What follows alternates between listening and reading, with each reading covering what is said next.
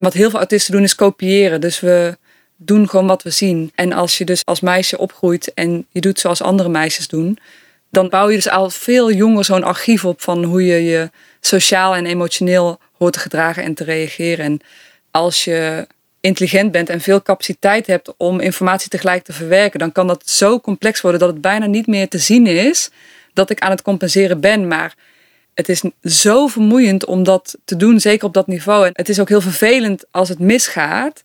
En ook al is het dan heel klein, neem ik mezelf dat enorm kwalijk dat ik gewoon heel incompetent ben, dat ik dat niet snap. Dat vind ik gewoon heel vervelend. En dus je probeert ook eigenlijk veel te veel te compenseren. Veel meer dan een normaal persoon dat zou doen. Aan het woord is Nikki Breurman, 36 jaar. Nikki heeft ASS, autisme spectrumstoornis. Wat pas een paar jaar geleden aan het licht kwam.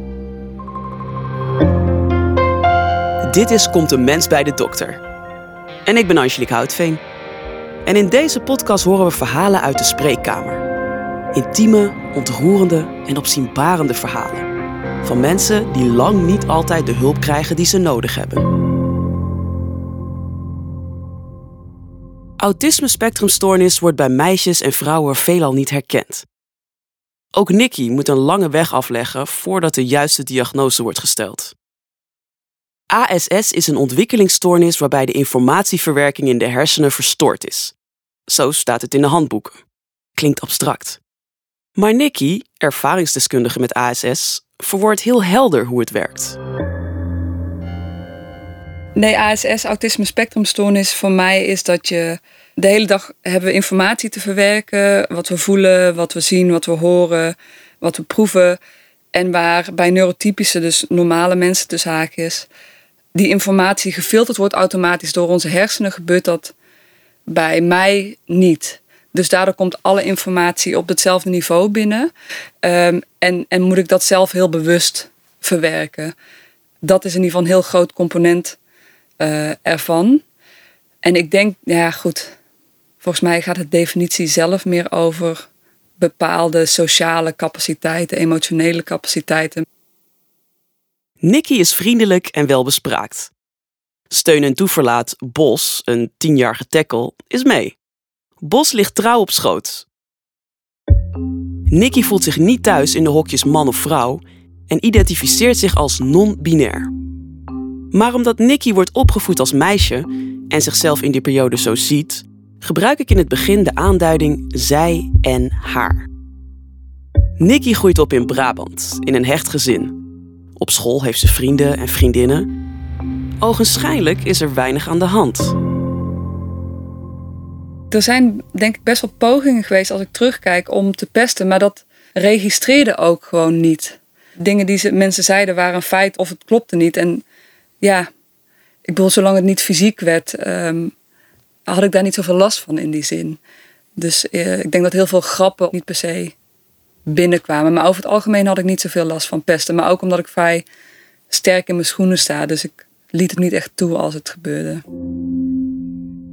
Ik denk wel, dat is wel een thema geweest eigenlijk in mijn hele leven. Dat ik bijna nooit iemands beste vriend werd. En dat is ook op latere leeftijd best wel pijnlijk geweest voor mij. Dat mensen elkaars beste vrienden werden. En dat ik in vriendengroepen zat, maar altijd een beetje aan de buitenkant hing of zo. Ja, dat viel me wel op en dat vond ik best wel lastig. In de puberteit begint Nikki te denken dat ze anders is. Dat haar hersenen anders werken. Ik denk dat het vanaf een jaartje of 14, 15 het pas echt merkbaar voor mezelf werd. Dat ik anders was. Dat het, dat het me niet zo goed lukte om me aan te passen en mee te draaien met de groep. Soms probeerde ik wel en dan paste het gewoon echt niet bij me. Dus het was tweeledig dat aan de ene kant de dingen die zij deden voor mij voelde als iets wat ik niet altijd prettig of leuk of interessant vond. Ehm, en dan deed ik dat niet. Maar ik heb mezelf ook aangeleerd, omdat het me ook niet lukte, om heel oké te zijn met anders zijn. Dus dan ben ik het eigenlijk meer gaan toe-eigenen.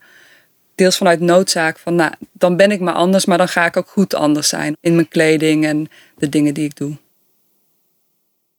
Dat er een psychische verklaring is voor dit anders zijn, weet Nicky niet. Niemand in haar omgeving signaleert wat er aan de hand is. Iets wat veel meisjes met ASS overkomt. Vanaf de zandbak weet ze dat ze op jongens en meisjes valt. En dit maakt dat ze zich nog meer een buitenstaander voelt. Uit de kast komen vindt ze moeilijk, al merkt haar omgeving daar vermoedelijk weinig van. Er is natuurlijk zeker een gevecht van coming out en dat, dat blijft bijna iedere dag. Ook zeker als je heel duidelijk in je genderexpressie afwijkt van de norm, dan valt dat gewoon vaker op. Dus dat heb ik wel, maar ik heb nooit een interne strijd gehad over mijn eigen gevoelens seksueel gezien. Dus het was alleen de vraag: wanneer vertel ik het aan mijn vrienden? Hoe doe ik dat? Uh, mijn ouders en familie vond ik spannend. Ik denk dat ik daarin dezelfde strategie een beetje heb toegepast.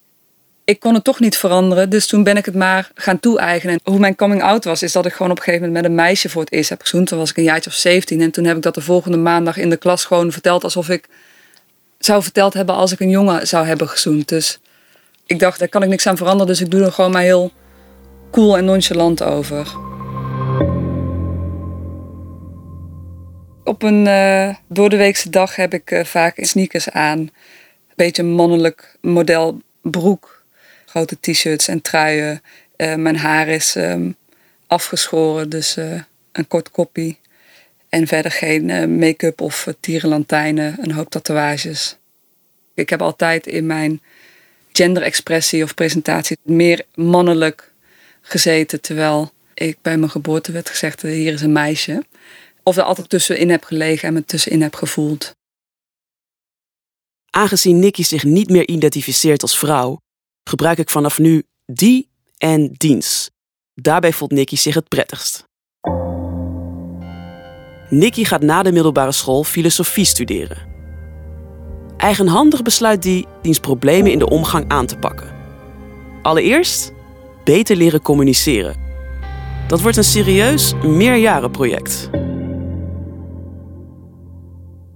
En ik merkte op dat moment dat ik heel veel frustraties had, omdat ik heel veel gedachten had, maar ik kon die gedachten altijd heel slecht onder woorden brengen. En dat, dat was, ja, daar had ik echt last van in gesprekken met mensen en in het maken van verbinding, maar ook gewoon in het uiten van mezelf.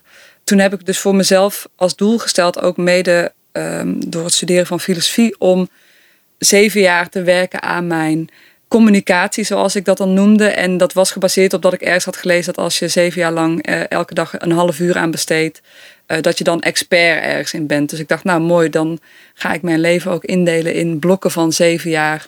En was de eerste daarin uh, leren communiceren en mijn gedachten onder woorden brengen. Zoals je hoort is dat na zeven jaar aardig gelukt.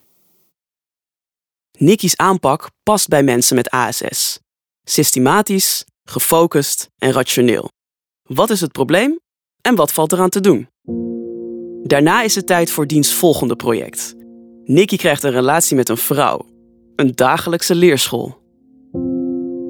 Mijn tweede zevenjaarsproject was um, leren over emoties.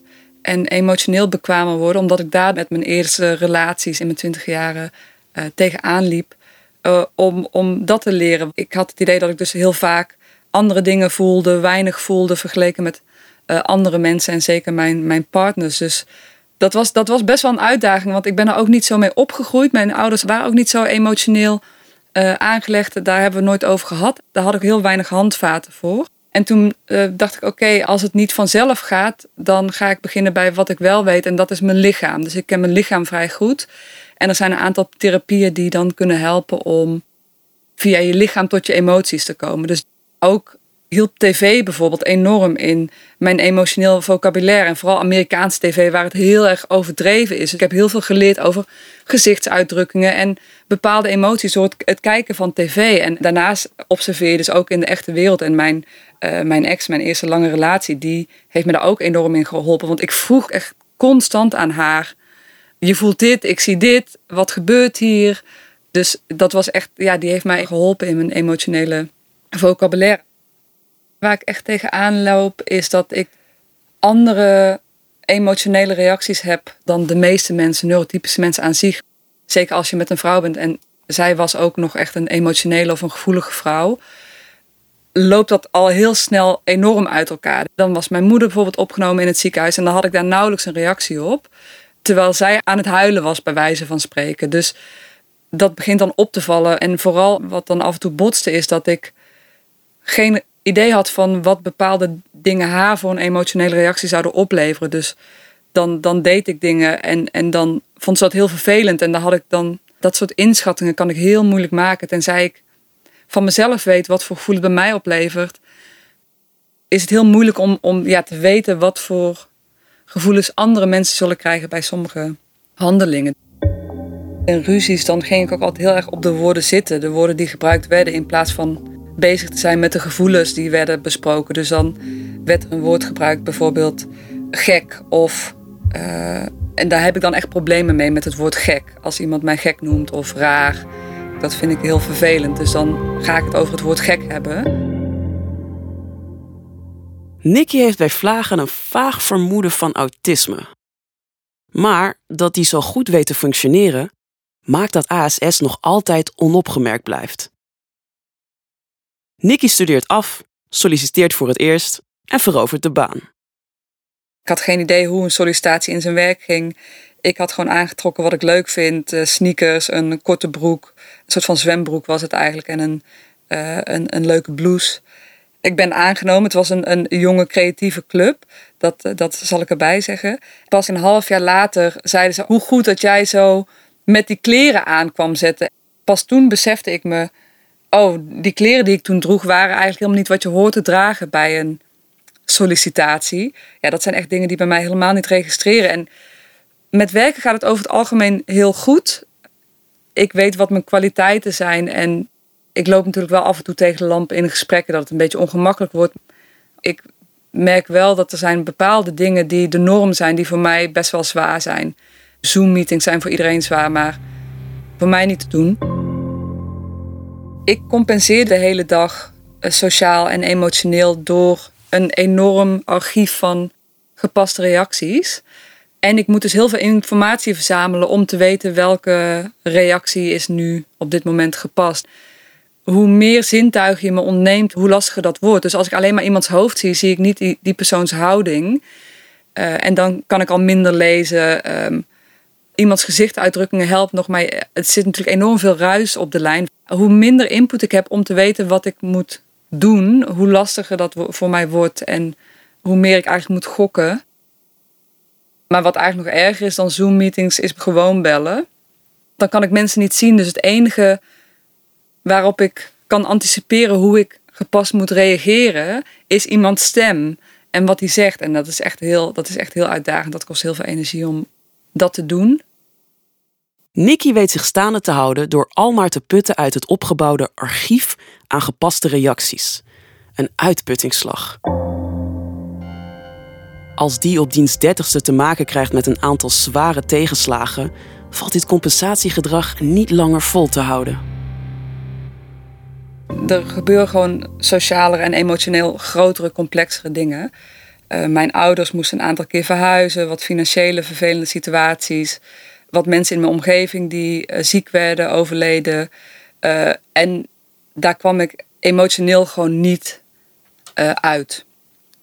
Um, en toen heb ik op een gegeven moment een paniekaanval gekregen. had dat nog nooit gehad. Ik dacht echt dat ik dood ging of in ieder geval iets heel serieus had. op een gegeven moment had mijn huisarts gezegd: Ik denk dat het niet fysiek is, maar misschien psychisch. Naar een psycholoog gegaan. Toen bleek het dus een paniekaanval te zijn.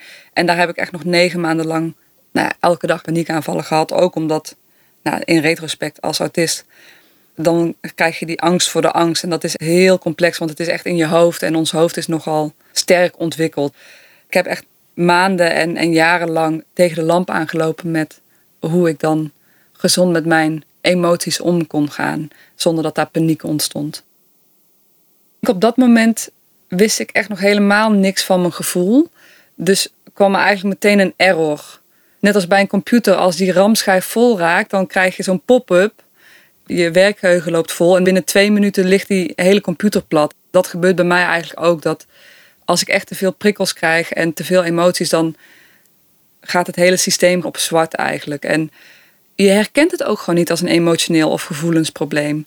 Dus ik had ook nul handvaten om te benoemen wat er op zo'n moment bij me gebeurde. En de buikpijn die ik had, of de angst die ik had, die koppelde ik daar gewoon niet aan pas achteraf begrijp ik dat ik heel veel emoties en gevoelens had, maar ze niet herkende en ze niet kon benoemen.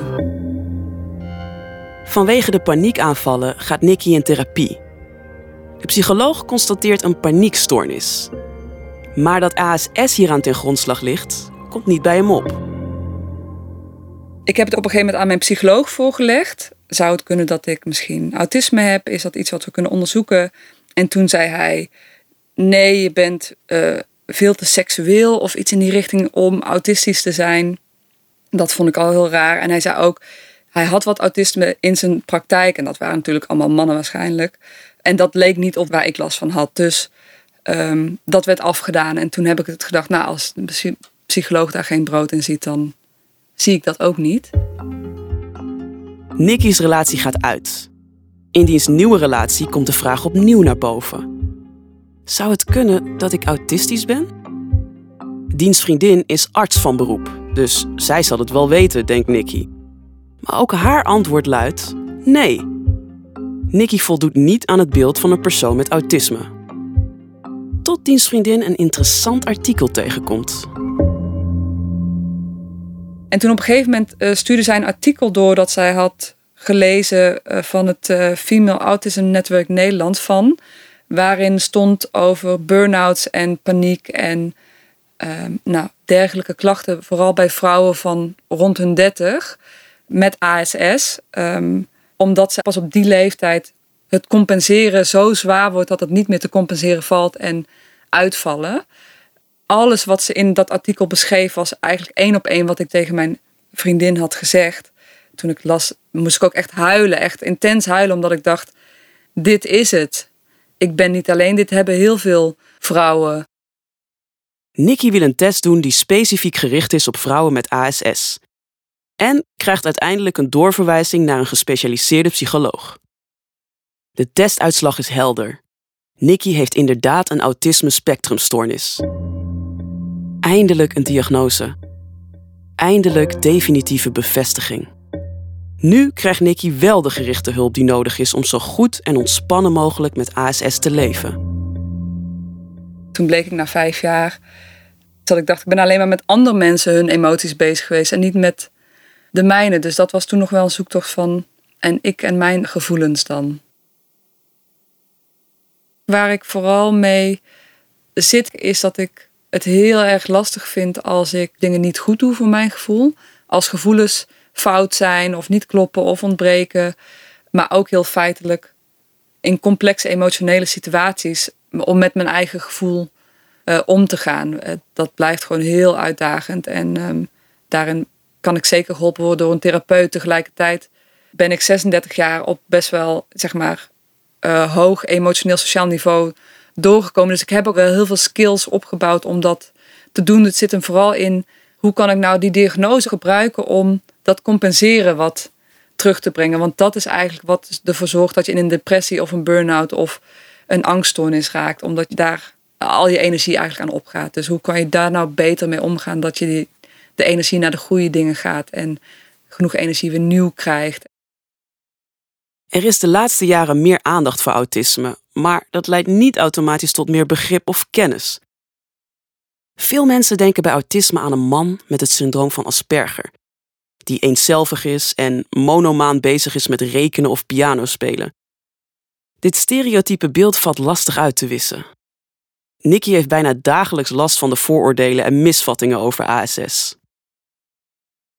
Er zit heel sterk een stigma op en dat van vooral de sociaal en emotioneel onbekwaam uh, zijn. Het valt me ook op dat het ook steeds meer gebruikt wordt als een soort van scheldwoord. In mijn werkomgeving wordt het heel vaak valt het woord. En dat vind ik absoluut heel vervelend. Wat ik zo triest vind, de hele tijd blijft het heel erg uitgaan van de maatschappij en wat wij vinden dat een mens zou moeten kunnen om goed te functioneren. En als we dat niet kunnen, dan is er iets mis met ons dat beeld is echt iets waarvan ik denk dat dat moeten we veranderen. En ik, ik, uh, ik denk dat we er veel baat bij hebben als we autisme in een ander licht gaan bekijken. Wat het feitelijk is en hoe een complex mens met autisme eruit ziet. En hoe afhankelijk van waar je je op dat spectrum bevindt, je een waardevolle aandeel in de maatschappij kunt zijn. In plaats van alleen maar bezig zijn met, oh, deze persoon uh, kijkt me niet aan wat een autist. Of hij houdt zich alleen maar bezig met cijfertjes. Kan geen normaal gesprek met me voeren, wat een autist. Nicky spant zich ontzettend in om te leren van normale mensen, ook wel neurotypische mensen genoemd. Maar andersom kunnen zij net zo goed veel leren van mensen met ASS, oftewel neurodiverse mensen. We zijn heel weinig normatief, hebben we ook niet een beeld bij hoe andere mensen zich per se horen te gedragen of wat bepaalde gedragingen dan wel zouden betekenen. Of zouden dat heel snel uitspreken. Dus um, ik denk dat dat wel iets is wat heel shocking is als, als iemand die dat weinig ervaart. Hoe snel mensen een oordeel hebben en hoeveel ze dus ook onderbewust keuzes maken op basis van hun, hun oordeel. Ook in de liefde levert ASS echt niet alleen maar miscommunicatie en problemen op. Wat over het algemeen ASS'ers vaak goede partners maakt, is dat we, omdat we zo weinig aannames hebben over wat hoort, ook qua gevoel, we heel erg openstaan en vaak heel oplossingsgericht daarin zijn. Op een gegeven moment kwam ik er dus achter, uh, in gesprekken met mijn partner, dat zij vond het vervelend dat ik altijd probeerde haar problemen op te lossen. En toen zei ik, nou, misschien moet je dan zeggen dat je een zorg hebt ergens over. En elke keer als je dan zegt, als ik dat woord dan hoor, dan weet ik, ik moet gewoon luisteren en ik moet niet proberen het probleem op te lossen. En als je dat tegen mij zegt en we maken die afspraak, dan doe ik dat dus ook altijd. Ehm, en als je tegen mij zegt als partner, als ik me vervelend voel, dan wil ik gewoon dat je me een knuffel geeft en me laat. Nou ja, dan kun je erop rekenen dat ik dat doe, omdat ik ja, mijn eigen gevoel daar niet heel zwaarwegend in zijn. Dus in die zin ja, zijn ASS'ers, als je die communicatie goed hebt tussen beiden, heel, heel vaak hele stabiele en, en fijne partners in die zin. Een van de grootste misvattingen is dat mensen met ASS ongevoelig zijn of domweg geen gevoelens hebben. Ik denk echt dat alle autisten extreem gevoelige mensen zijn. Veel gevoelens hebben, alleen vaak gevoelens over andere dingen, zowel positief als negatief. Uh, bijvoorbeeld als het eten een vervelende structuur heeft, dan vindt iemand dat gewoon vies. En dan kan ik daar echt heel slecht op gaan. Uh, ik kan heel boos worden als iemand te laat komt. Of dat zijn wel dingen die andere mensen ook ervaren. Alleen is dat voor mij dan heel grote emotie. En waar andere mensen een hele grote emotie zouden ervaren. Bijvoorbeeld als iemand ziek wordt. Of dat die emoties in zo'n omstandigheid bij mij heel klein blijven of zich anders uiten. En, en dat zorgt vooral, denk ik, voor de misvatting dat we geen of weinig emoties zouden hebben. Ik lig van heel veel dingen uh, wakker. Uh, vooral moeilijke gesprekken die ik moet voeren. Ja, heel veel gesprekken bereid ik voor in mijn hoofd. Het blijkt altijd dat dat helemaal nul zin heeft, want er gebeurt nooit wat ik denk dat er gebeurt. Bij meisjes blijft ASS over het algemeen veel langer onontdekt omdat ze beter zijn in het verbergen dan jongetjes. Van jongs af aan hebben ze geleerd om zich aan te passen. Leerkrachten herkennen het niet, ouders hebben geen idee en veel professionals zien ASS over het hoofd, ook bij volwassen vrouwen. Voor de diagnose en hulp aan vrouwen met ASS is er nog een wereld te winnen. Wat ik belangrijk vind autisme is echt een spectrum. En het kan zich dus op heel veel verschillende manieren uiten. Ook al ligt de oorzaak in eenzelfde neurologisch proces. Dus mijn ervaring is echt niet iedereen's ervaring. Dat is wel belangrijk. Uh, dat we die aannames niet maken. En vraag dus ook gewoon aan mensen met autisme: wat is je behoefte? En probeer daar dan uh, rekening mee te houden. Ik denk ook zeker als je twijfelt, zoek hulp en, en laat je ook niet meteen afschepen als één iemand daar lacherig over doet of, of het wegwuift. Voel je daar vrij en gesterkt in om, om dat eh, uit te zoeken en, en zoek anderen op die, eh, die je daar misschien in kunnen ondersteunen. Zorgprofessionals, maar ook mensen met eenzelfde ervaring. Nikki zet zich in voor Auti Roze, een stichting voor LHBTI'ers met ASS. LHBTI staat voor lesbisch, homo, biseksueel, transgender en intersexe. Vertellen aan je omgeving dat je ASS hebt voelt volgens Nicky net zo goed als uit de kast komen. LHBTI'ers hebben dus vaak een dubbele coming out. Omdat er dus een hele buitenwereld is die aannames daarover heeft en stigma's daarover bestaan en het soms ook kan leiden tot heel vervelende ervaringen, kies je daarvoor hoe vertel ik dat, aan wie vertel ik het dat, wanneer doe ik dat. Dat is wel echt een uit de kast komen, ook, eh, ook wat betreft autisme. Die samenkomst van die twee best wel bepalende onderdelen aan je leven, je seksualiteit en hoe je hersenen werken, zeg maar, uh, hoe je de wereld ervaart, dat maakt wel dat het heel moeilijk is om bij uh, eh, LHBTI'ers die niet autistisch zijn, herkenning te vinden of, of begrip te vinden soms. En andersom dat uh, bij andere autisten die heteroseksueel zijn, weer tegen hele andere zaken aanlopen met hun familie of met hun zorg. Autie Roze vormt een veilige haven en een ontmoetingsplek. Een keer niet de uitzondering zijn voelt fijn. En ja, er wordt ook veel gelachen. En ik vind autisten eh, heel grappig. We, we kunnen echt heel, heel veel lachen om bepaalde dingen. Het is eigenlijk heel ontwapenend, want het zijn heel vaak hele directe observaties die anderen zouden missen, die dan grappig zijn voor ons. Uh, hele nerdy jokes zijn het eigenlijk. En je, je kunt dus ook heel veel van elkaar hebben, omdat je weet, het uitzicht op honderd verschillende manieren en dat is allemaal uh, oké. Het komt allemaal vanuit dezelfde plek. Voor nu is Nikki klaar met therapie. Die schrijft mee aan een boek van de Amerikaanse Universiteit over gender en autisme. Het gaat goed in diens werk en in de liefde. Ik ben nu een paar maanden aan het daten. Dus vorige zomer uh, zijn we begonnen met daten. En dat, uh, ja, dat is heel leuk. Dat gaat heel goed. Dus ik, ik denk dat dit nog wel een tijdje gaat uh, duren, deze relatie. Zeker. Aan het eind van het gesprek is Nicky moe. Nu lekker met de hond wandelen. En bijkomen van de ongelofelijke inspanning die het kost om een gesprek te voeren zoals mensen zonder ASS dat doen. Want dat blijft.